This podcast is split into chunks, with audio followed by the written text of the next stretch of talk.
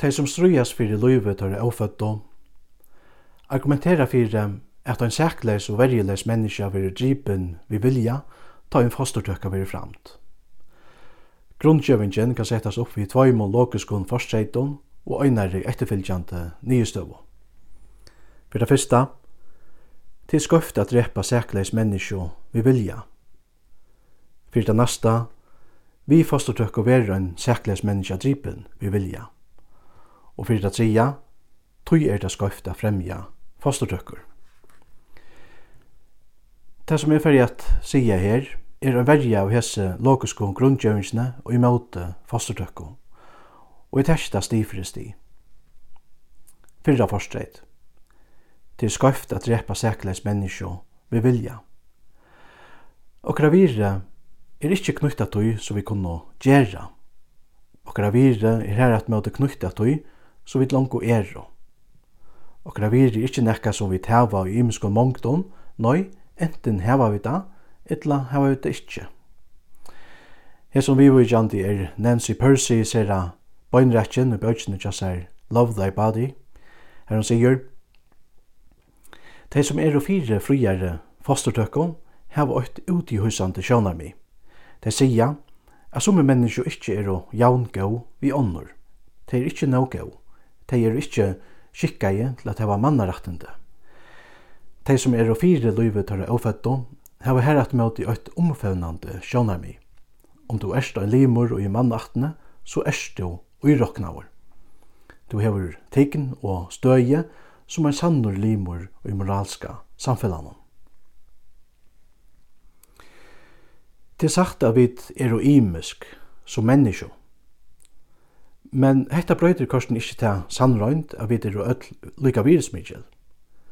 Hans spesialia seg finnes heldur ungen avgjerande månur mittlen hitt avfødda badne som to einar fyrir vær, og vaksne menneskene som to erst og i det.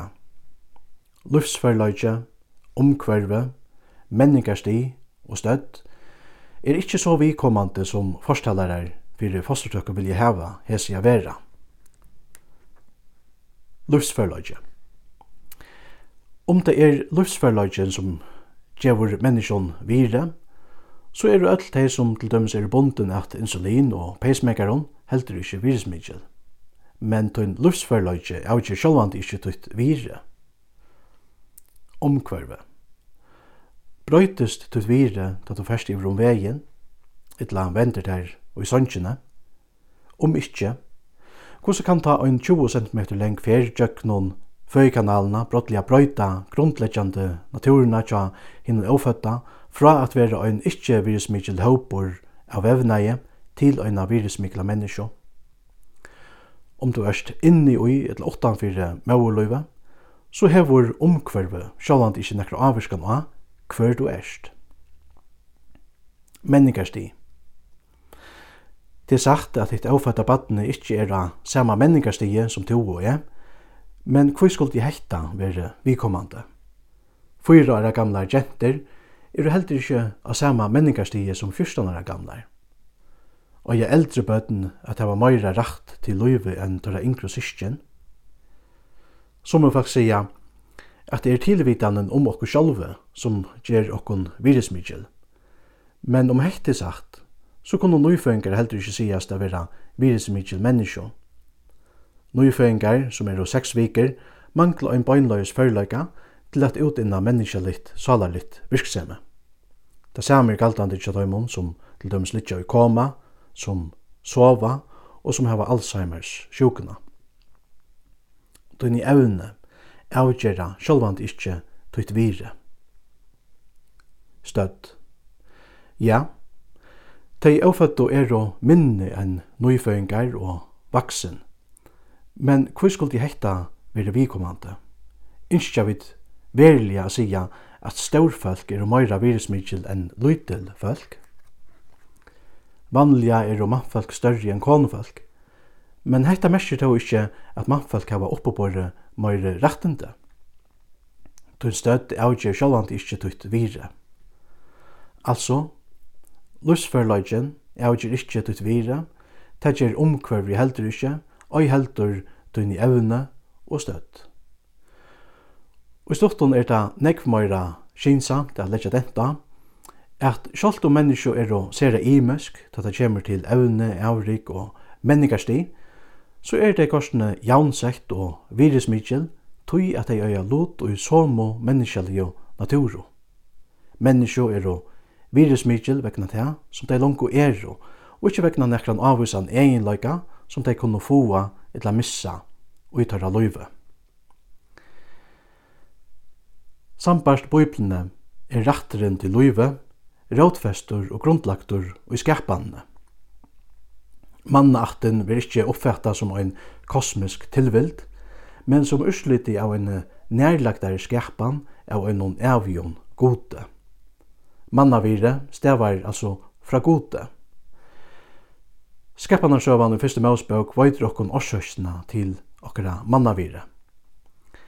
Vi leser i fyrste mausbøk, kapittel 8, vers 26 og 26, og god sier, Vær viljon gjera menneskjur etter okkara mynd, okkon lykar, og der skulle roa iver havsens fiskon og iver himmelsens fuklon, og iver fenainon, og iver öllon vildjørnon av hjørne, og iver öllon skrikjiktnon som skruja av hjørne Og Gud i mannen etter syne mynd.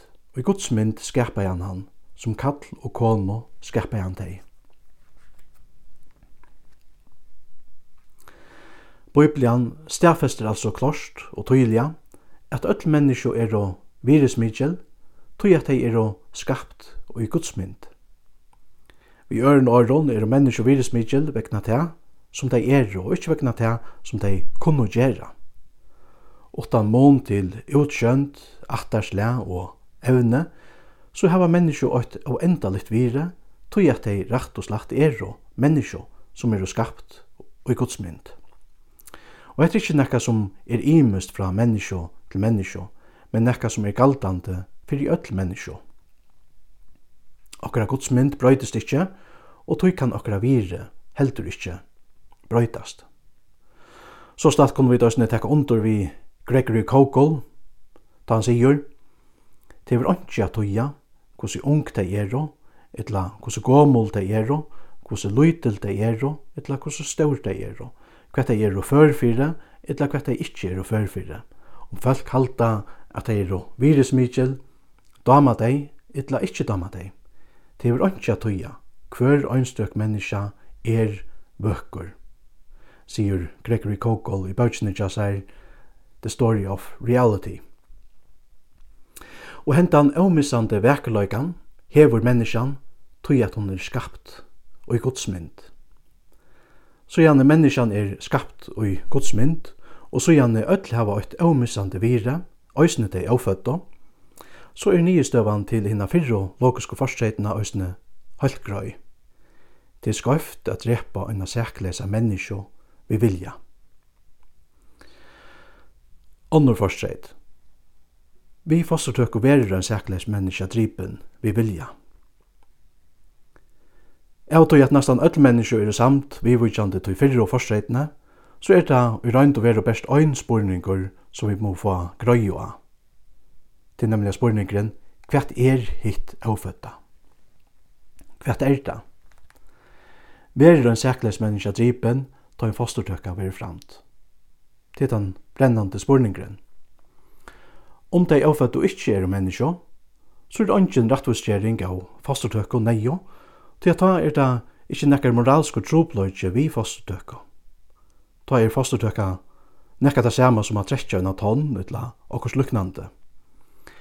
Men om dei avfødt og herat møte er og menneskje, så er fastertøk en veriljur moralskur trobløyge, og ta er ønsken rettvisgjering av fostertøkko nøg av.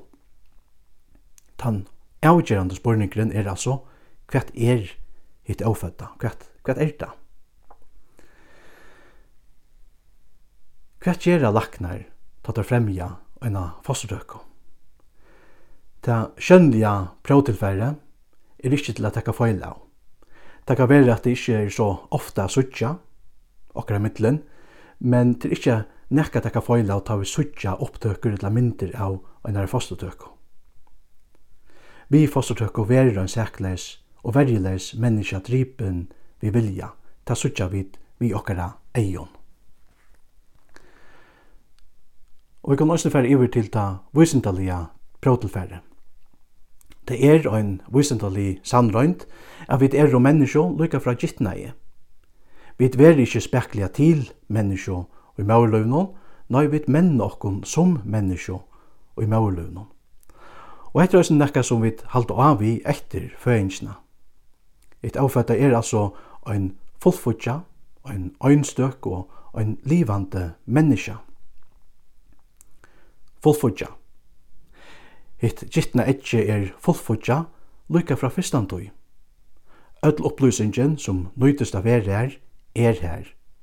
Det øynasta som det er bruk fyrir er tøy. Tøy til at veksa. Øynstøk.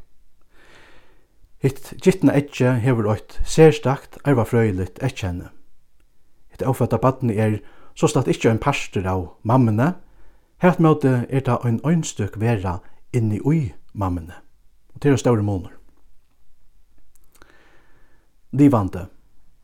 Hitt gittna etje søgner alt det vi jeg biologisk liv, stoffskifte, vøkst, reaksjon og nøring. Menneska. Hitt gittna etje hever DNA i tjøynare menneska.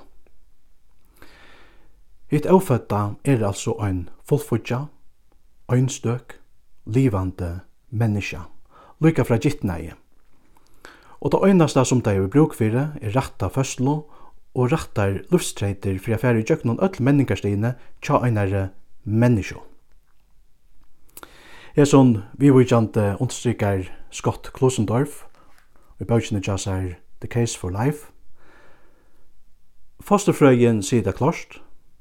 Luka fra tøymon fyrst og menningarsteinon er å tei avføtto, særstøk, livande og høyl menneskjo ein og kvar vel etna og i vel etna fosturtøkka, eh, tekur tess vegna løyve av einar livande menneskje. Han sier altså, ein og kvar vel etna og i Gassarøyun fosturtøkka, tekur tess vegna løyve av einar livande menneskje. Men så kan vi spyrja, hva så vi kroppslion avgjere rette? Forsprakkar er fire fruer fostøk og plia, jo a sia, Min kroppur, min avgjer. Det er øynans kvinnan som er ratten til at avgjera hva hun gjer vi sin egna kropp. Men hentan her åringen er misvisande. Talan er nemlig ikkje om bare øyna kvinno, men om tver kunne sija. Fyrt øyna kvinna rævda om lufstøyl, men fyrir hina er sjalt løyve og i voa lukka som mamman er en avfødda òsni en livande menneska og en personur. Og sjalt om du ikkje sarst hana eller høyrir hana, så boar kroppen tja hinn avfødda kvinne korsen fra hvert hon velja er. Hon er livande. Hon inntekker føye og veksur og så allar er livande kjepner. Kroppen tja henne menneske kverjon, og om du leter henne veksa, så fyrst du kjøkta sutja at hon òsni hever egini tja mammasunne. Hon er livande. Hon er en menneska. Hon er ikkje ein hestur eller ein erpa, men ein menneska.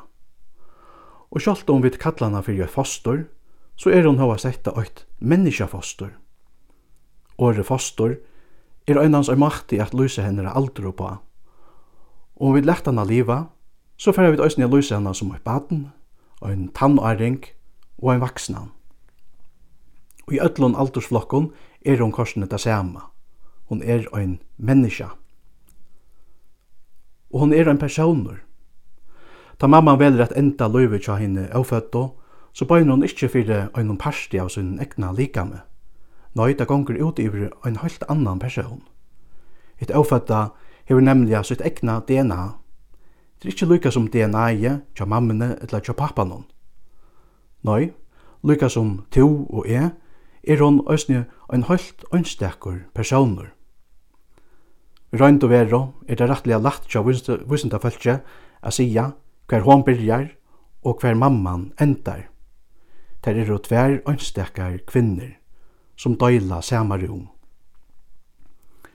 Og hevur du her omframt nekran du møtt ein person som ikkje var ein menneske, etla ein menneske som ikkje var ein personer, etla er hesen her skilnauren i mittlen av vera ein menneske og ein personer kanskje nekka, så folk har funnet på for å gjøre det lettere å skikva hitt eisunda til viks, nemlig at hon er ein livande menneske og ein personer.